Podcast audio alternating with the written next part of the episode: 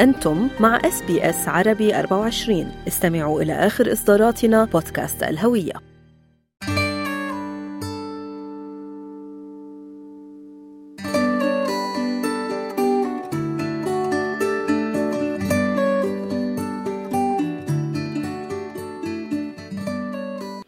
تعد ولاية فيكتوريا موطنا للعديد من الوجهات السياحية الرائعة. وفي هذا المشوار سأخذكم أنا كوثر الحنبوري إلى مدينة بنديغو التي تقع في وادي بنديغو على بعد حوالي 150 كيلومترا شمال غرب ميلبورن والتي تعكس ماضي فيكتوريا وطفرة الذهب. عندما كانت مناجم الذهب في فيكتوريا تنتج كميات أعلى من أي مكان آخر في العالم حيث تم استخراج قرابة مليون كيلوغرام من الذهب من بنديغو وحدها منذ بدء التعدين هناك في القرن التاسع عشر. من أبرز معالم الجذب في بنديغو نصب الذهب ومتحف ترام بنديغو ومتحف التنين الذهبي بالإضافة إلى العديد من المباني المدرجة في سجل التراث الفيكتوري مثل قاعة بلدة بنديغو التي تم بناؤها عام 1859 وكاتدرائية القلب المقدس التي أنشئت عام 1896 والمتحف العسكري الذي يعود تاريخه إلى عام 1921 بنديغو موطن لمجموعات من السكان الأصليين وقد أدى اكتشاف الذهب فيها عام 1851 إلى تحول المنطقة من محطة للأغنام إلى واحدة من أكثر المدن ازدهارا في أستراليا. وعندما تكاثرت الأنباء عن اكتشافات الذهب تدفق إليها المهاجرون من كل أنحاء العالم وخاصة من أوروبا والصين وأصبحت المدينة في العصر الفيكتوري أكبر وجهة لتعدين الذهب في شرق أستراليا في القرن التاسع عشر ويتجلى ذلك في التراث المعماري الفيكتوري للمدينة.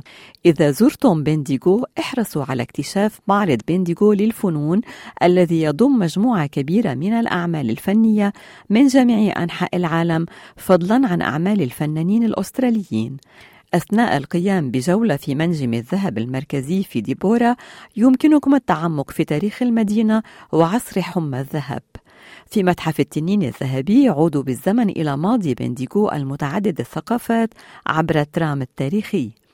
من أفضل الأماكن التي عليكم زيارتها في بنديغو الملعب الرياضي للملكة إليزابيث.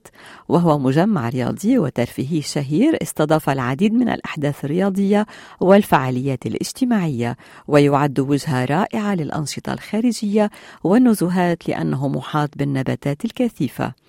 ويعد ملعب الملكة إليزابيث في وسط بنديغو من الوجهات الرائعة سواء كنتم من عشاق الرياضة أو كنتم تبحثون عن مكان للاسترخاء.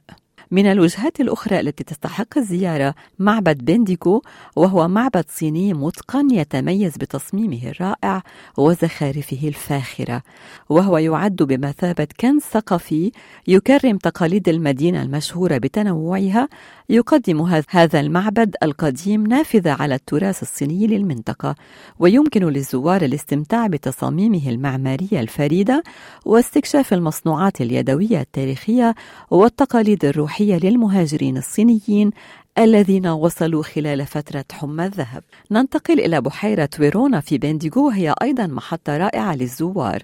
هي بحيرة هادئة في المدينة محاطة بالخضرة وتعد ملاذا هادئا للذين يحبون الهواء الطلق وتحيط بها مساحات خضراء ومسارات للمشي مما يجعلها موقعا مفضلا للنزهات ومشاهدة الطيور. مسرح أولومبارا الرائع في بنديغو يخفي الكثير من الأسرار ويقدم للزوار مزيجا رائعا بين الماضي والحاضر.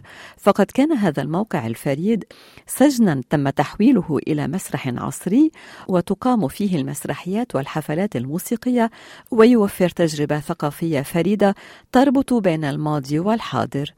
متحف التنين الذهبي في بنديكو يتميز بمنحوتات التنين والمصنوعات اليدوية التاريخية وهو كنز ثقافي يكرم التراث الصيني الواسع في المنطقة وقد تأسس عام 1991 ويضم مجموعة كبيرة من الآثار الصينية مثل ملابس موكب التنين الرائعة والأعمال الفنية الجميلة بالإضافة لاستضافته لمعارض ثقافية متميزة حول مساهمات السكان الأصليين في تنمية المدينة مما يجعله محطة جذابة للسياح المهتمين بمعرفة المزيد عن هذه الفترة من التاريخ الأسترالي.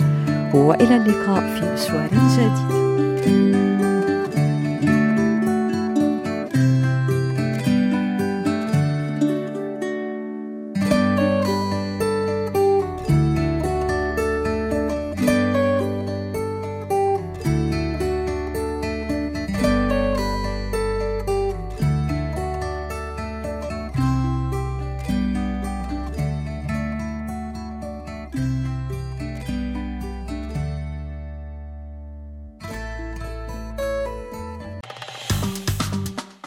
اضغطوا على ال like أو على ال share أو اكتبوا تعليقاً.